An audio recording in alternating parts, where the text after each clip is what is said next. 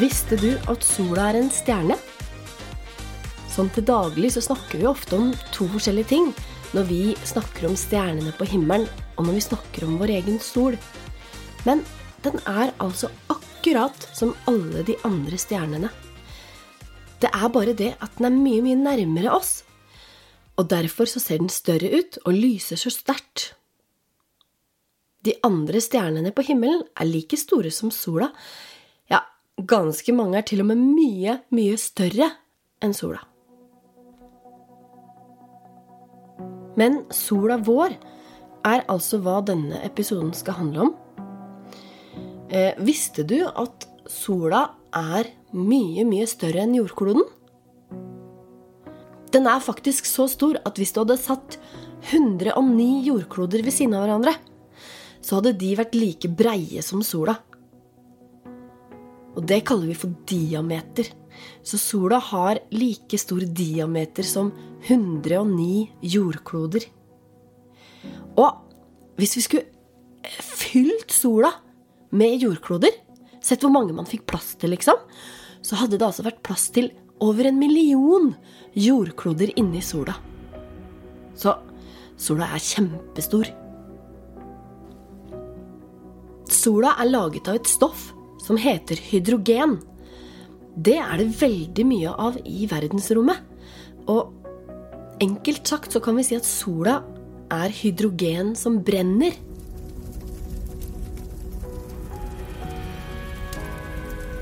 Og sånn er det med alle de andre stjernene på himmelen også. Og det er derfor den lyser og varmer så mye som den gjør. Ja, den er faktisk så varm at utapå overflaten til sola så er det over 5000 varmegrader. Den sender ut så mye varme, så mye at det går an å ha liv på jorda, at det går an å leve her. Hadde vi ikke hatt sola, ville det vært iskaldt her. Alt vannet ville vært is. Ingenting kunne ha levd her. På grunn av varmen fra sola så blir jorda et godt sted å leve. Sola gir varme, lys og energi til alt som lever, både mennesker og dyr og planter. Vi mennesker vi er helt avhengig av luft for å kunne puste.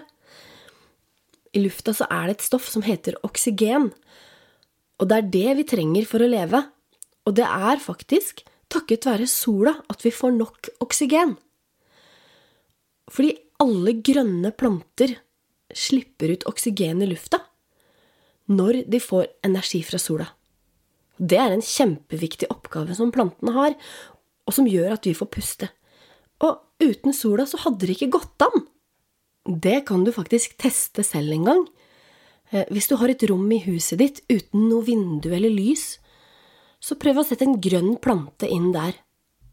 Selv om du fortsetter å vanne den, så vil den til slutt dø uten noe lys fra sola. Sola er også grunnen til at det blir forskjellig vær. Når det varmes opp litt mer et sted enn et annet, så skapes det vind. Og vind gjør at det blir bølger på havet. Og varmen fra sola gjør også at vann som er i hav og i innsjøer, fordamper og blir til skyer.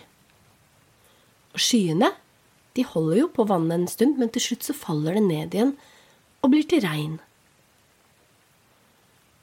Det her snakka jeg om for et par episoder siden. Så det er altså sola vi kan takke for ganske mye av det som skjer her. Da veit du litt om sola, både hva den er laget av, og hvorfor den er så viktig. Men visste du at jorda går i bane rundt sola?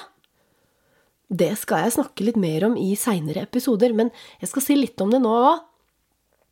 For det er litt gøy å vite det, at nesten alt i universet går i bane. Eh, det betyr at det går liksom i sirkel rundt noe annet. Så månen går i bane, eller i sirkel, rundt jorda. Og jorda går rundt sola. Og det tar ett år for jorda å gå én runde rundt sola. Men sola går også rundt noe. Den står nemlig ikke stille. Sola går også i en bane Eh, og sammen med millioner av stjerner så går sola i bane rundt et kjempestort, svart hull. Og alle stjernene som går rundt dette hullet, er i samme galakse. Og galaksen som vi hører til, og som sola hører til, heter Melkeveien. Melkeveien er altså en enorm samling av over 300 milliarder stjerner. Og der er sola vår en av dem. Og i midten av Melkeveien så fins altså dette store, svarte hullet som holder alt sammen, og som stjernene reiser rundt. Hvis du er ute midt på natten når det er ordentlig mørkt, gjerne på vinteren, men samtidig helt stjerneklart, så kan du faktisk se Melkeveien. Det ser ut som et slags bånd som går over himmelen, som lyser litt sterkere enn resten. Det tror jeg er alt for denne gang. Neste episode så skal jeg fortelle deg om månen.